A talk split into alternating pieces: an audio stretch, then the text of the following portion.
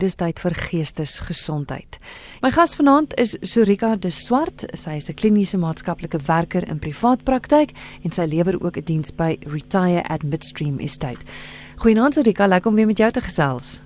Goeienaand Kristal, goeienaand luisteraars. Sorika, ons praat vanaand oor trauma. Uh ons gaan begin vinnig weer oor wat trauma is, maar jy het baie interessant vir my gesê dat daar 'n sekere manier van trauma behandeling wat nie noodwendig altyd die regte manier is nie. Dit maak dat daai trauma eintlik vasgevang of 'n paadjie gevorm word in jou brein en dat daar 'n ander manier van trauma behandeling is. Ons kom daarby, maar vinnig ja. eers gou, wat is trauma? So, ek dink daar is verskillende definisies van trauma. Aanvanklik het ons gesê trauma uh wel dis 'n abnor dis 'n normale reaksie op 'n abnormale gebeurtenis en dis gewoonlik iets wat wat mense beskou as lewensbedreigend maar ek dink die definisie het nou half uitgebrei um, om goeders in te sluit wat omdat omdat persepsie so groot rol speel sluit dit ook goeders in soos ehm um, 'n mens kan getraumatiseer voel deur uh, ernstige deur 'n ernstige verlies. ehm um, die dood van iemand naby aan jou mens voel getraumatiseer deur 'n deur 'n egskeiding baie mense ehm um, as daar 'n natuurramp is, is dit natuurlik 'n groot trauma. So die die definisie het baie verander om 'n klomp goed in te sluit. So wat ons nou sê is mens kry kroniese trauma, jy kry akute trauma en jy kry komplekse trauma. So Dis verskillende definisie die wat verander. Wat is die verskil tussen dit en stres? Verskil dit van mekaar? Ja, wel ek dink stres ons almal het stres elke dag en dit is dit is iets wat mens jy, jy het vaardighede nodig om stres te hanteer. Ehm um, dis nie iets wat jou noodwendig op die, die langtermyn gaan siek maak. Ehm um, dis dit is nie iets wat noodwendig uitermate is nie, maar stres wat uitermate is kan mens natuurlik ook siek maak, maar ek dink nie dis iets wat op die einde 'n verstoring gaan word. Soos wat mense posttraumatiese stresversteuring of komplekse posttraumatiese stresversteuring gaan kry wat 'n geestesgesondheidsversteuring is nie. Ehm um, ek dink stres wat te veel is gaan vir ou 'n maagseer gee en kan vir jou 'n migraine gee. So dis ook nie gesond nie, maar ehm um, oefening byvoorbeeld is is iets wat jou kan help om stres te hanteer. Ehm um, genoeg slaap kan jou help om stres te hanteer om om jou jou tyd te bestuur kan jou help om stres te hanteer. Terwyl dit nie so eenvoudig is met trauma nie. Daar's baie spesifieke tipe behandeling nodig vir vir trauma. Sorika, wat gebeur fisies in jou brein as jy 'n traumatiese ondervinding het? Ja, dit is interessant. Ek dink almal is bekend met uh veg en vlug. En ek dink baie mense weet ook dat ons intussen besef ek niks kan in 'n vries tipe van situasie ingaan. Maar daar's 'n vierde een. In die Engelse weergawe daarvan is eintlik baie maklik om te onthou, is fight, flight, freeze and please. Ehm um, so wat gebeur is die oomblik wanneer 'n mens uh, in 'n in 'n lewensbedreigende situasie ingaan, dan is daar daar's 'n deel in die brein wat ons noem die amygdala. Nou daai die amygdala is 'n deel in die brein wat van jongs af loop dit en maak inligting bymekaar. Wat sê jy sê daai is gevaar, daai is gevaar en daai is gevaar. So wanneer ek in 'n lewensbedreigende situasie kom, Ehm um, ons wil nou praat oor oor oor verhoudings, maar as ek in 'n fisiese lewensbedreigende situasie kom, dan ehm um, gaan my sintuie dit kyk in nanosekondes en dit sê vir my ehm um, deur middel van my amygdala sê dit vir my goed, weet jy wat, jou beste manier om te oorleef hier gaan wees om of te veg of te vlug of te vries of om iemand tevrede te hou. Ehm um, kom ons sê 'n leeustorm jou. Dis nou maar 'n algemene hmm. in in die wildtuin. Jy was nou stout dat jou kar geklim in 'n leeustorm jou. En jou beste jou beste kans op oorlewing gaan nie wees om chipstil te staan en te maak of jy 'n boom is. So dis die vries respons. En en ehm um, so gaan dit wees wanneer jy uh tydens 'n motorkaping iemand gaan jy gaan jy gaan lees van 'n vrou wat wat beklei het. Sy's nie iemand wat beklei nie, maar hier het sy aan die beklei gegaan en niemand kan na die tyd verstaan hoekom nie. So dit is iets wat outomaties gebeur. Jy het nie tyd om te dink nie, dis nie 'n besluit wat jy neem nie. Dis die amygdala wat dood eenvoudig namens jou op autopilot gaan. Nou die interessante ding is dat verhoudingstrauma werk min of meer dieselfde dat die oomblik wat ons daai die die persoon wat vir ons belangrik is met wie ons 'n uh, besonderse verhouding verhoudingsband het. As ons beleef dat daar 'n 'n ehm 'n disconnect is in daai verhouding, dan gaan ons ook outomaties as ons emosionele snellers het, gaan ons ook in 'n vegvleg, 'n veg vlug vries of 'n kan ons sê troos of 'n please respons ingaan. Nou hierdie is alles verdedigings of oorlewingsmeganismes. Jy, jy kan nie 'n verhoudings van die gang kan ook nie ad infinitum so oorleef asof jy in lewensgevaar is nie. Jy gaan siek word. Jy gaan die die die trauma autopilot response gaan jou siek maak as jy so leef. So mens gaan dan versteurings ontwikkel, posttraumatiese stresversteurings. En jou lyf gaan dit begin wys. Iewers in jou lyf gaan jy begin siek word. So dit wat in die brein gebeur, gaan op die einde in jou lyf manifesteer. Ja, want interessant genoeg het jy vir my gesê dat dis asof jou lyf dit stoor in jou selle. Verstaan ek reg? Dit Ja, dis reg. Ja, en dis 'n baie interessante ding wat ons ook nou verstaan het is dat dit stoor nie net in jou selle nie. Met epigenetika het ons geleer intussen dat dit kan ook in generasies oorgedra word. Nou dit is iets wat nou nogal die jy weet die die mense verstand wegblaas op 'n manier.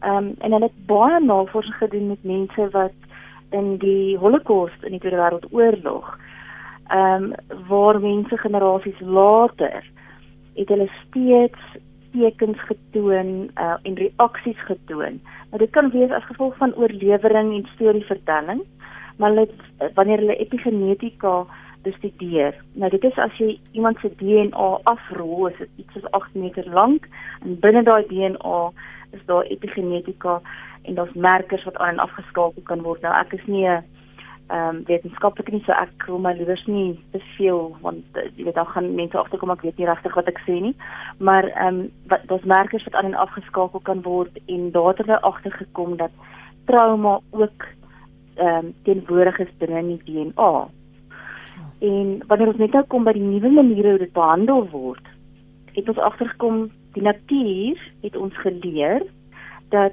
deur byvoorbeeld beweging kan 'n mens van as 'n leeu 'n bok jaag en die bok kom weg en jy hou die bok vir 'n lank dop, dan sien jy hoe skud die bok hierdie trauma uit sy lyf uit.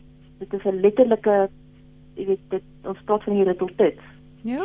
En as mens kyk na iemand wat deur 'n ernstige skok is, deur 'n ernstige trauma is, ehm um, dan gaan die persoon aan die bewe. En dit is die natuurlike manier om 'n beweging klaar te maak en van trauma ontslae te raak. Genade. OK, ek is baie nuuskierig om te kom by die nuwe manier. Ek wil gou voor ons kom by die verskillende maniere van behandeling. Net eers, is dit is dit vanselfsprekend dat jy moet gaan vir behandeling as jy 'n traumatiese gebeurtenis het? Of hoe weet jy jy moet gaan vir traumabehandeling? Ek dink die eerste ding wat ons moet verstaan is dit is dis 'n normale reaksie op 'n abnormale gebeurtenis. So uh, 'n mens moet verstaan dat jy moet geduldig wees met jouself uit die aard van die saak gaan jou liggaam reageer, jou jou uh, jou verstand gaan reageer, jou brein gaan reageer, jou gemoed gaan reageer. Ehm um, dis trauma. Mm. Maar uh, ek dink die DSM-5 wat die diagnostiese statistiese handboek is vir die identifiseer uh, en wat aanbevelings maak vir behandeling sê dat as jy vir langer as 3 maande nou sekere simptome wys, dan is dit raadsaam om wel te gaan vir vir behandeling. Eh, andersins is dit moontlik dat hierdie goed gaan vassit jy weet en jy, jy gaan jou jou gedrag gaan dan daarvolgens begin inrig. Ehm um, mens kan dan begin om sekere tipe van gedrag openbaar soos om ehm um, sekere plekke te vermy, sekere mense te vermy, 'n storie oor en oor te vertel, kontak met realiteit te verloor, daai tipe van ding en en dan is mens geneig om die die trauma vas te lê. Mm nie noodwendig willekeurig nie. Ja. Nee, as 'n ja. oorlewings ehm um, metode. Nou goed, kom ons kyk na die verskillende maniere van behandeling. Daar is daar's baie maniere. Kom ek gaan eers terug 'n uh, 'n tree en dit is hoe ons vir baie lank geglo het. Uh, ek was een van die mense wat geglo het daarin. Dis dat 'n mens 'n traumatiese storie, iets slegs het nou met jou gebeur en praat is dan van die beste medisyne. So jy vertel vir almal soveel keer as wat jy kan en toe het ons nou nog verder gevorder en ons gesê jy moet nou vir al die stories 5 keer vertel en jy moet deur al die sintuie gaan. Jy moet nou sê wat jy gesien het en dan moet jy die storie vertel. Jy moet fokus op wat jy geraai het en en dan um, wat jy gehoor het en so deur elke een van die sintuie vertel jy die storie so jy jy ehm um, maak seker dat enige ehm um, geheue van die trauma wat gestoor is in die sintuie word ook eintlik uitgeput. En ehm um, vir baie mense het dit verligting gebring. Want onthou nou, jy vertel dit steeds vir 'n terapeut en hulle help jou om die narratief van dit wat jy te vertel in 'n mate te herstel. Mhm. Mm maar er is mense die storie oor en oor en oor vertel. En baie maal het van die snellers het, het hulle oor en oor vertel en jy het vir jou buurvrou vertel en jy het vir jou wie ook al almal vertel en en wat ons agtergekom het is maar meer kere mense daai storie oor en oor vertel, meer lê jy dit vas. Jy dis asof jy eintlik 'n pik vat en jy kap 'n pad in jou brein uit. Ehm um, waar daai trauma vas lê. Dis asof jy 'n konkaaf of 'n Grand Canyon in jou brein uitkap. As die storie nie vertel word met klein ehm uh, ons noem dit resiliency breaks nie um, met klein resource breaks. Ja, ek gebruik spesifiek die Engelse woorde want dit kom van van 'n Engelse model af en daar is nie presies die regte woorde vir die vertaling daarvan nie. Ehm um, so as jy my dit gaan verskoon vanaand. Dan dan kan 'n mens eintlik daai trauma vas lê en persone sal vir baie lank kom vir terapie en geen verligting vind nie. So ehm um, many many jare het dit nou ontwikkel en hulle baie baie studies is gedoen. Pieter Levine was die voorloper daarvan om te sê eintlik uh eh, re-victimiseer dit mense persoon as hulle vir jou oor en oor in die fynste detail van 'n spesifieke trauma moet vertel. Dalk is daar 'n ander manier en toe jy begin kyk na waar in die lyf lê die trauma, mense moet bewus raak daarvan, kan jy dit rondskuif, kan jy dit uit die lyf uit beweeg? Is daar maniere wat 'n mens met die brein kan werk om 'n persoon uit hierdie vegvlug uh, vries en en en uh troos ehm um, kan uitkry en hulle het 'n verskeidenheid van modelle ontwerp. So daar is nie net een nie, daar's 'n verskeidenheid van hulle. Ek is nou toevallig in die uh community resiliency model. Ehm um, is is ek opgelei. Maar ons verskeie EDMR wat doen net met oogbewegings um, TRE wat te doen het met trauma reduction en so. Dit is maar daar daar's verskeie en hulle is almal gebaseer op beweging in die liggaam. Ah, okay, jy sê beweging in die liggaam. Ehm um, hoe sou so hoe sal 'n tipiese sessie byvoorbeeld waarin jy opgelei is lyk? Like? Die sessie waarin ek opgelei is, begin gewoonlik eers net deur 'n verduideliking dat moontlik anders gaan lyk as wat die persoon verwag. So dit beteken ook nie dat die persoon nie mag praat oor wat gebeur nie. Ehm um, want dit gaan dalk vir hulle vreemd wees en 'n verwagting is om te kom en te kom ehm um, ontboesem en ontslaa raak en 'n katarsis hê.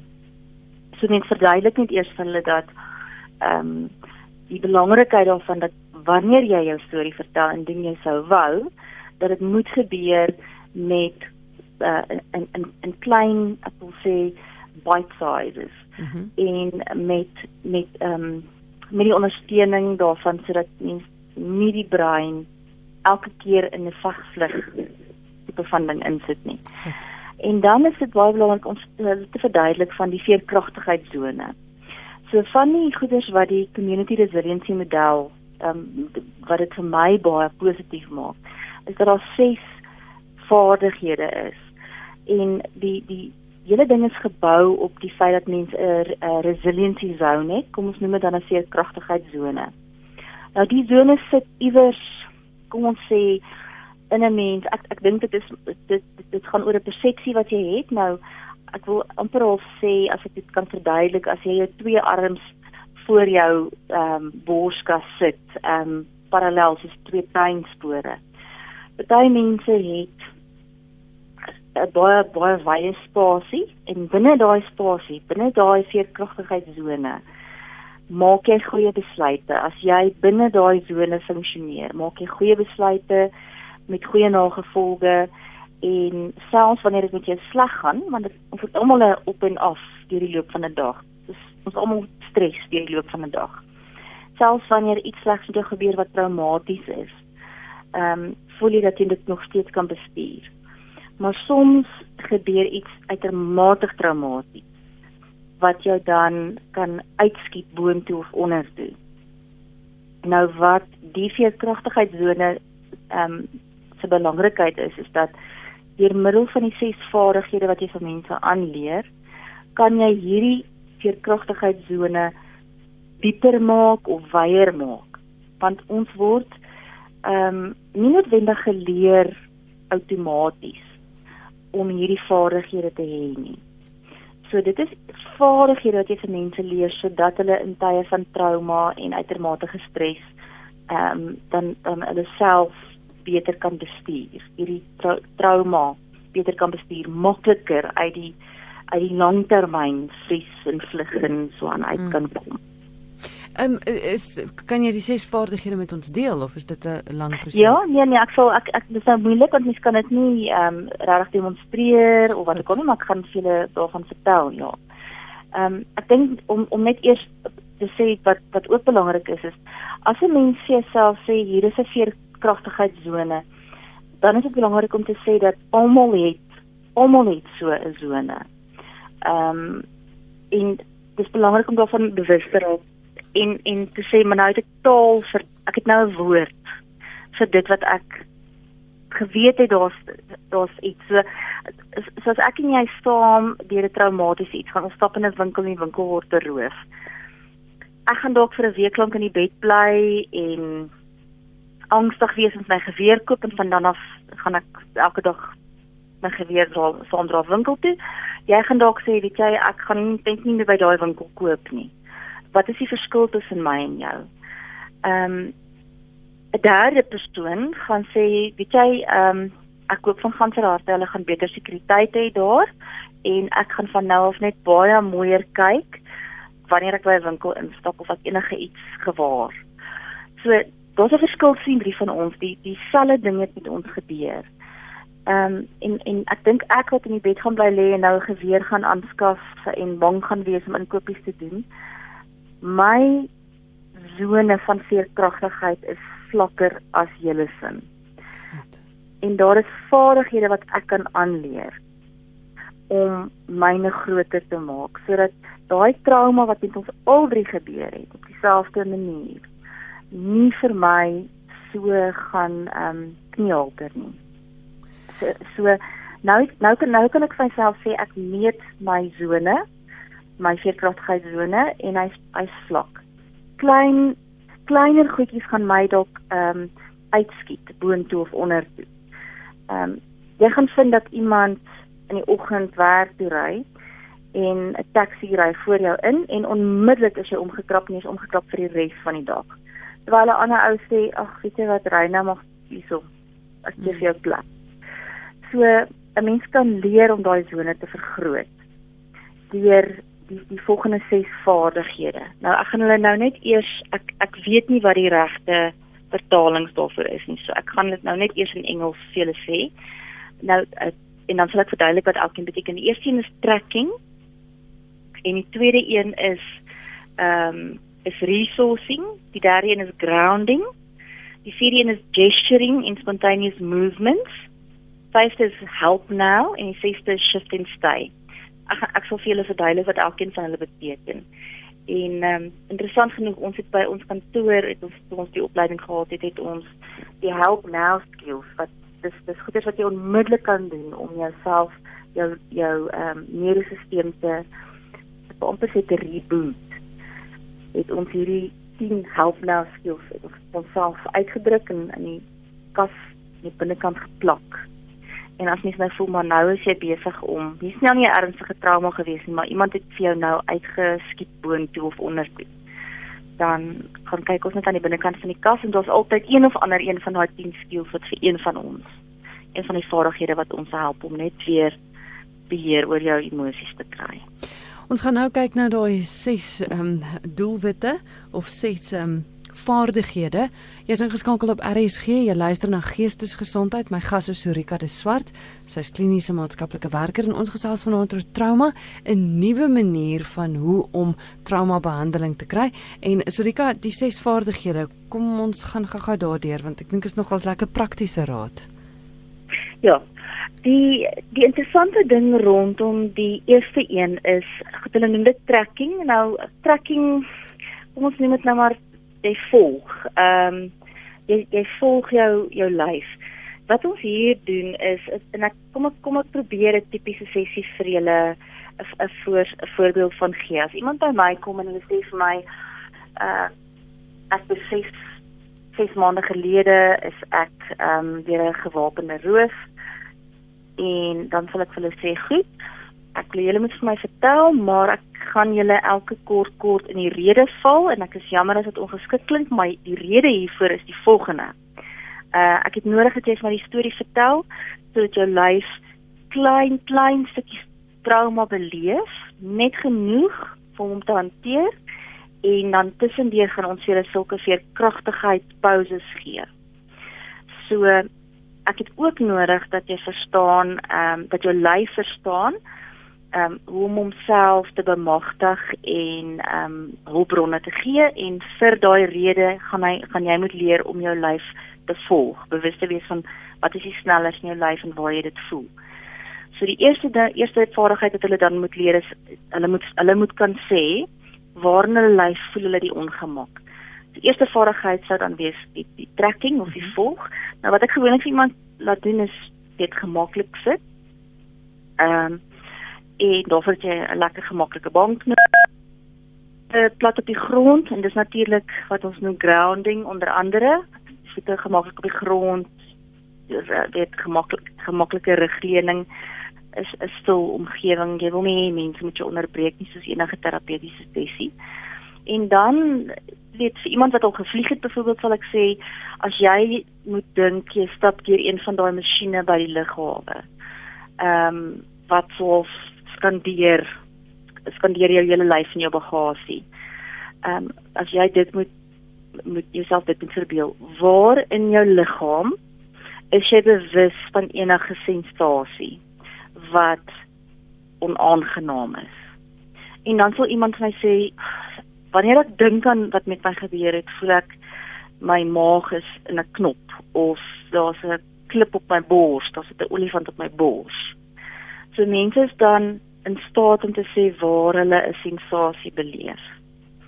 En dan is die volgende vraag, dit klink nou as 'n stupide vraag aanvanklik, is dit is dit onaangenaam, neutraal of aangenaam?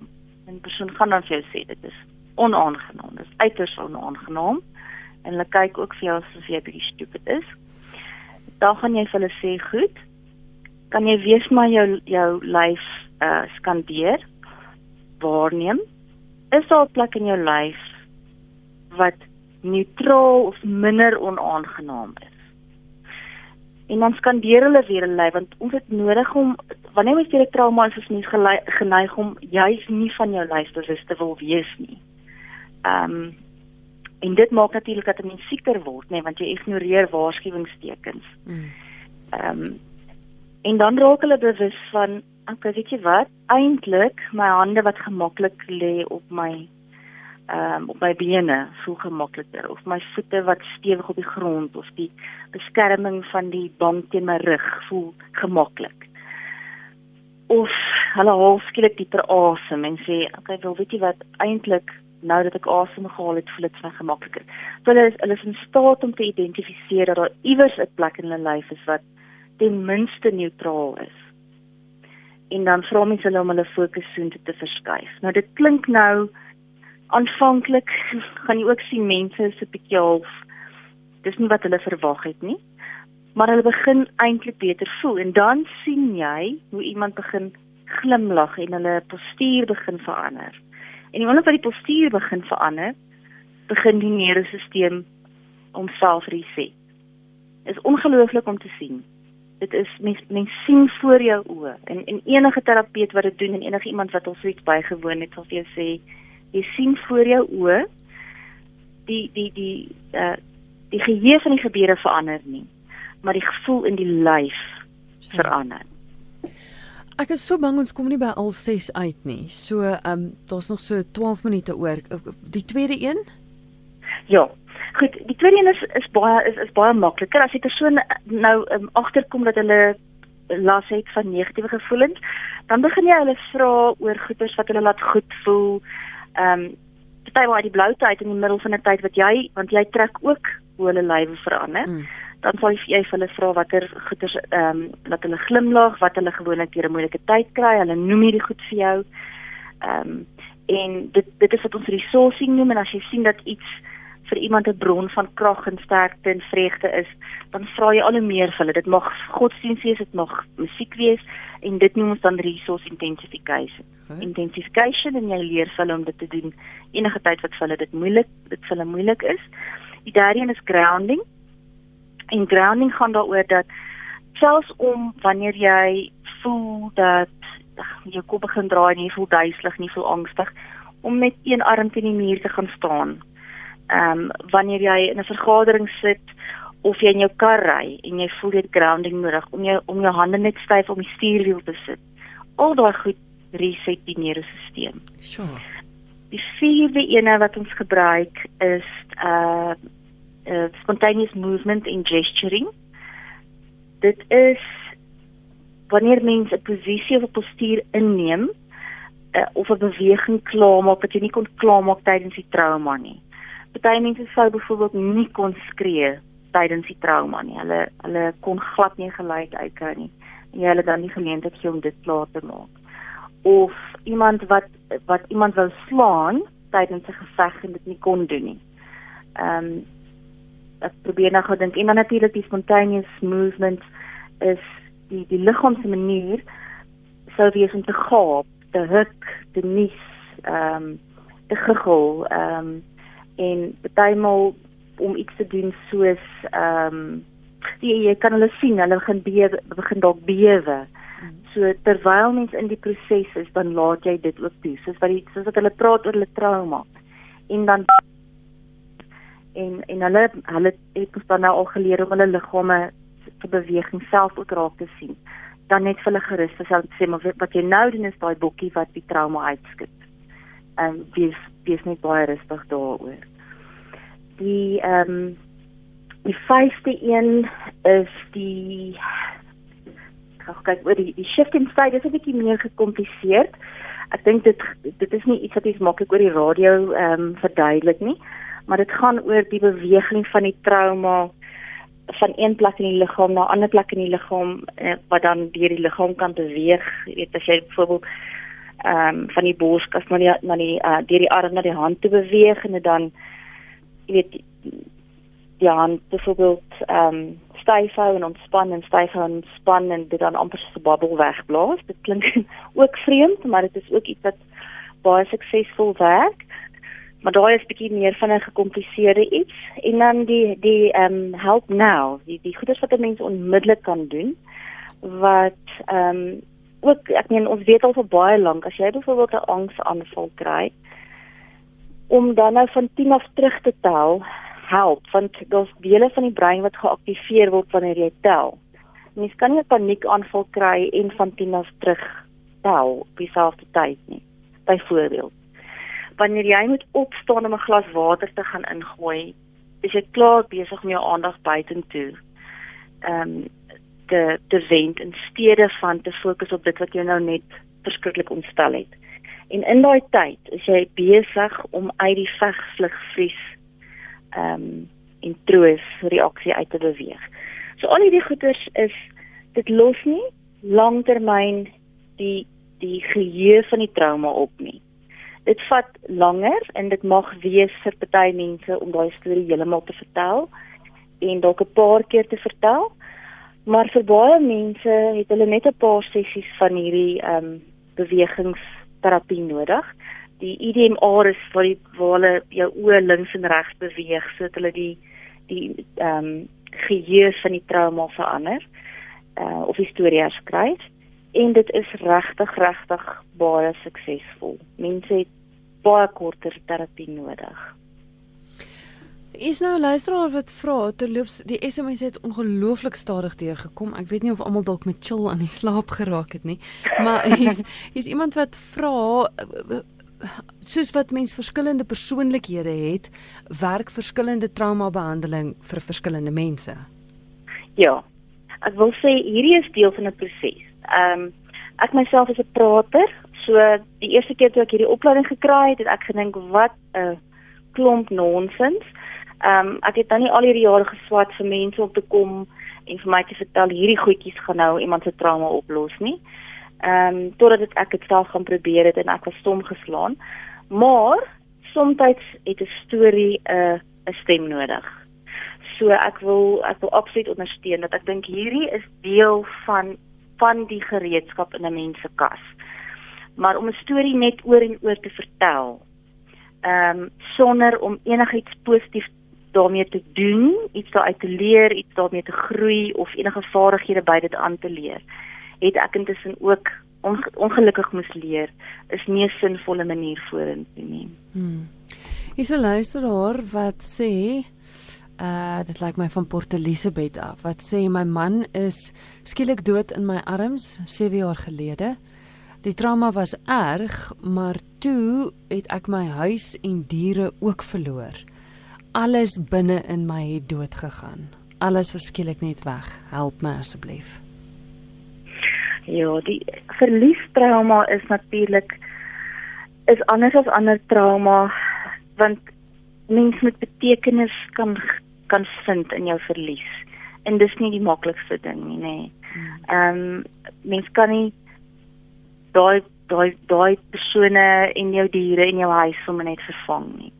So ek dink hierdie gaan gaan gaan oor nuwe betekenisvolle dinge en verhoudings sonder om te dink jy beweeg beweeg aan of jy vergeet van die mense. So ek dink dit is dis 'n ander tipe van trauma. Dit is dit is ehm um, wat ons noem ehm um, rou werk en dis werk wat 'n mens moet doen in terapie. So hierdie goetertjies wat ek nou beskryf het is nie is nie geskik daarvoor nie. Daarvoor dink ek is 'n terapeutiese proses. Mm. Is iemand wat sê alles wat jy vertel is vir 50 jare is is vir 50 jare deur Scientology verstaan en so gebruik om die verlies te hanteer. Ehm um, dit is net ander woorde wat op die oomblik gebruik word. Dis heeltemal moontlik. Dis baie baie moontlik. Ek ek voel nie weet nie. Ekskuus. Ja.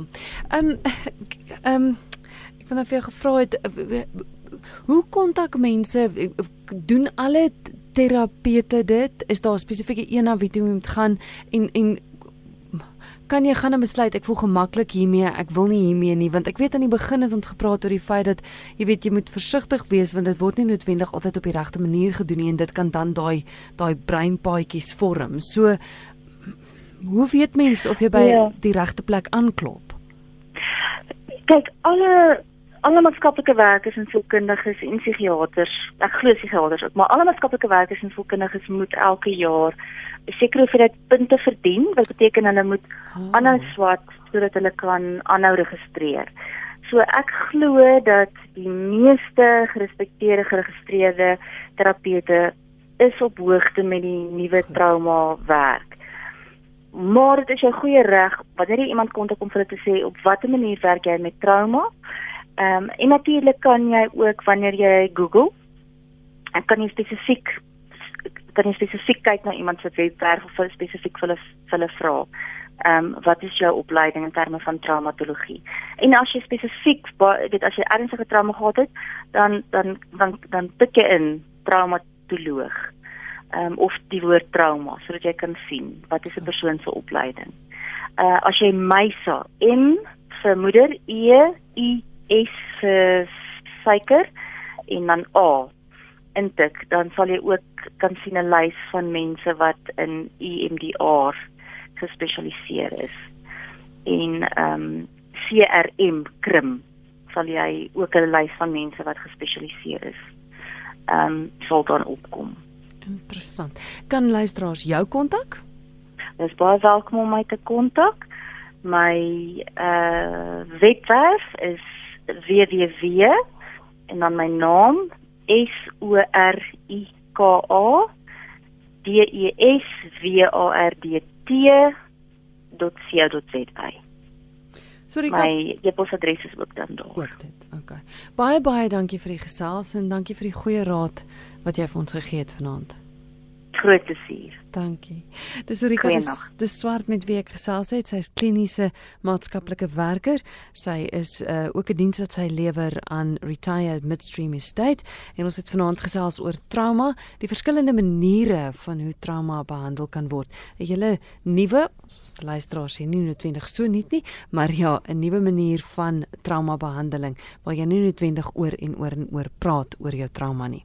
So Rika se webwerf adres www.surikadeswart met 'n dt aan die einde.co.za.